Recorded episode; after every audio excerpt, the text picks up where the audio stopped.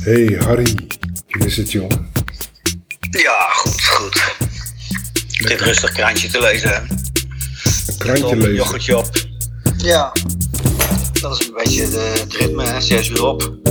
Oh ja, Naar beneden lopen, een krantje van de mat halen. Er staat niet zo heel veel, heel veel in. Maar wat ik wel heel leuk vond is eh 50 jaar eh, Jan Jans en de kinderen. Oh ja. Grappig. Die strips die, eh, die vind ik wel heel erg grappig. Maar ook wel eh, heel illustratief. Libellen toch? hè? Ja, voor het Ja. gezinsleven, ja. Ja. Ja, heel leuk. En je gaat zo lesgeven in Leiden.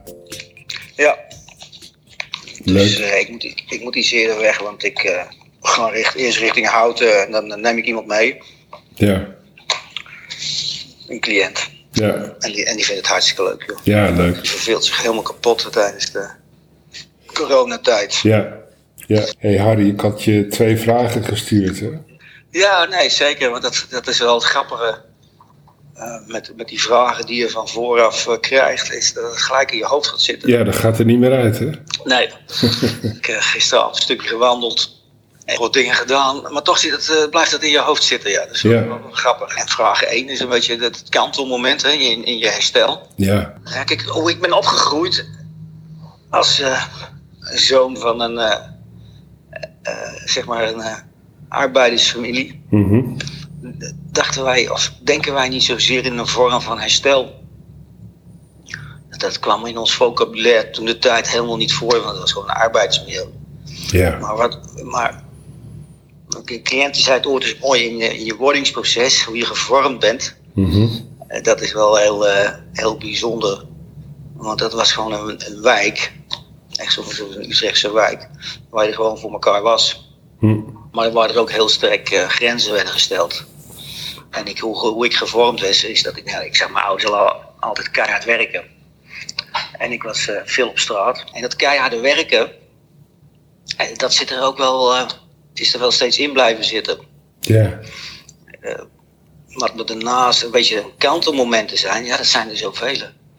zoals nu wel. ook eh, elke ochtend om zes uur ophouden. Yes, ja. ja, dat klopt. En, eh, maar ja, een aantal kantelmomenten. Ik weet nog, toen ik in de vijfde zat, vergeet ik ook nooit meer. Ik denk dat het daar de liefde van de, de, verhalen van gekomen zijn. Was meester Linksma, die kon prachtig lezen hm. Over eh, de Bijbelse verhalen, weet je wel. Die verhalen die, eh, van onze cliënten, die, eh, waarvan ik heel dankbaar mag zijn dat ik af en toe in een herstelreis mee mag maken. Ja, dat- die zijn zo wonderlijk en zo bijzonder. Ja, daar kan ik erg van genieten. Ja, mooi.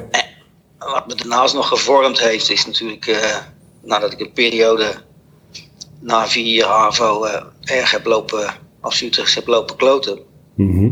Dat was toch wel eigenlijk, eh, ik vergeet die zin nooit meer van mijn moeder. Ik werd toen naar school gestuurd. Eh, omdat ik allerlei eh, nare dingen had gedaan.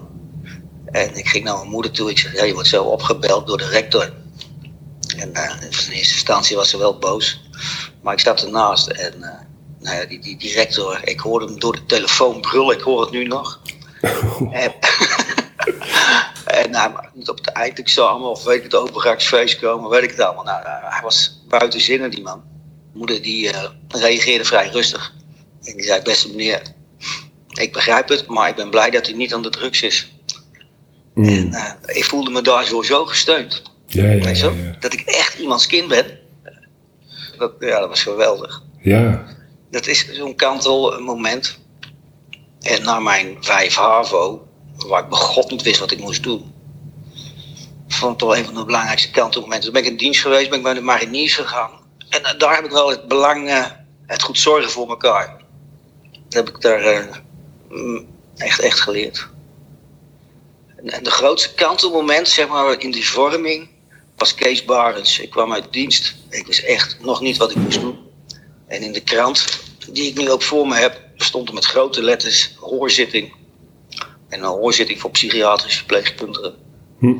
En eh, dan kon je gewoon info krijgen. En nou, ik was net uit dienst. En, eh, en die man die zegt, wie dit vak gaat kiezen, die verandert compleet. En mijn reactie in mijn hoofd was, ja, ja, dat zullen we nog wel zien. en dat is ook gebeurd. En niet zozeer die, die, eh, die, de dominante patronen en denken, dat zit er nog wel in. Maar aan de andere kant heeft het, is dat wel het een van de grootste kantelmomenten geweest.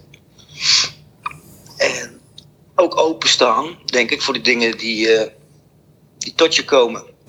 nou ja, en dat, ja, dat noemen ze herstel, weet je wel. Ja. Maar zo, zo zijn er meerdere vocabulaire of woorden die nooit in ons gezin voorkwamen, zoals burn-out of overspannen. Ja, daar werd niet over gepraat ook eens. Nee. Dat was er niet. maar het is er wel. ja, ja. Ja, mooi. Ja, ja dus dat is zo'n beetje. Ja, wat, wat daar zit. Is dus, Bijzonder verhaal, Harry. Je vader was paardenslager, toch? Ja, ja klopt, ja. ja. En uh, ik denk daar ook een beetje de voorliefde is voor uh, uh, bijzondere mensen die ik elke dag weer tegenkom. Ja. En misschien is dat ook maar. Is, want ja, er kwam van alles binnen, van studenten tot aan dakloze mensen.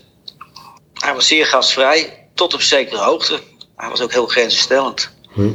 Hij zegt, want die zaak, ik behandel de klant als een koning. Maar hij zegt, ik ben toch wel de keizer hier binnen mijn toko.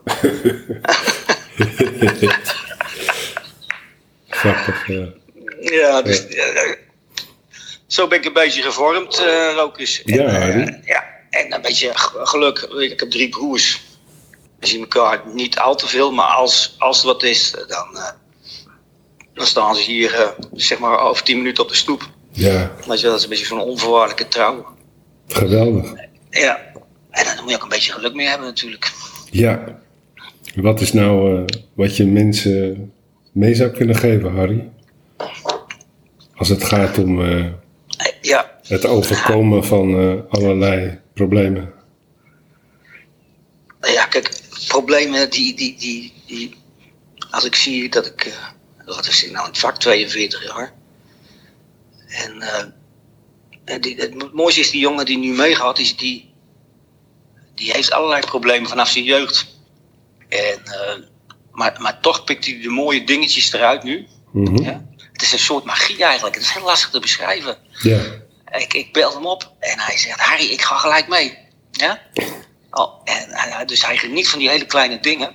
Ja. En uh, ik mag daar, ik ben daar zelfs intens blij mee. Want ik, ik moet er een half uur voor omrijden, maar het maakt me niet uit. Ja. Uh, dat ik daar een onderdeel van mag zijn.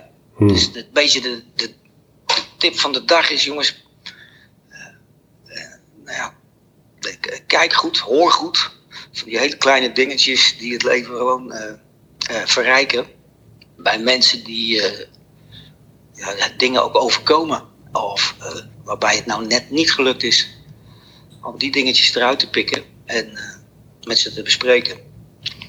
Dus we toch een beetje de diepte in te gaan. Wel die magische momenten te pikken. En ja, dat is mooi. En ik, ik heb het er vaak over met mijn collega's, weet je wel. Van die hele kleine dingen. En dan, dan hebben we ook humor en dan lachen we erom. Maar ook van, hoe, hoe mooi is dat nou eigenlijk, hè? Het zijn soms zinsneden of, of mooie gedragingen of wat dan ook. Ja. Want er is al ellende genoeg wat dat betreft. En dan kun je helemaal in wegzakken, maar dan schiet je niet zoveel mee op. Nee. Ja. Dus uh, we zoeken naar die, uh, die kleine magische momenten, Harry. Ja, ja. Hm. dat vind ik wel het leukste van het vak. Hoor. Ja. Maar bij mezelf ook en hier thuis ook. Dus dat, dat verschilt eigenlijk niet zoveel of je nou op je werk bent of thuis of wat dan ook. Ja. Nou, geweldig Harry. Ja. Je bent een uh, verhalenverteller, dat hoor ik al. Het is uh, één minuut voor zeven. Ja, ik ga zo de krant dicht doen en uh, rijden. Ga ik hem ophalen en dan ga ik naar, naar Leiden. Bedankt gozer. Is goed. Ook een fijne dag met lesgeven en zo. Dankjewel. Hoi hoi. Hoi. Ciao.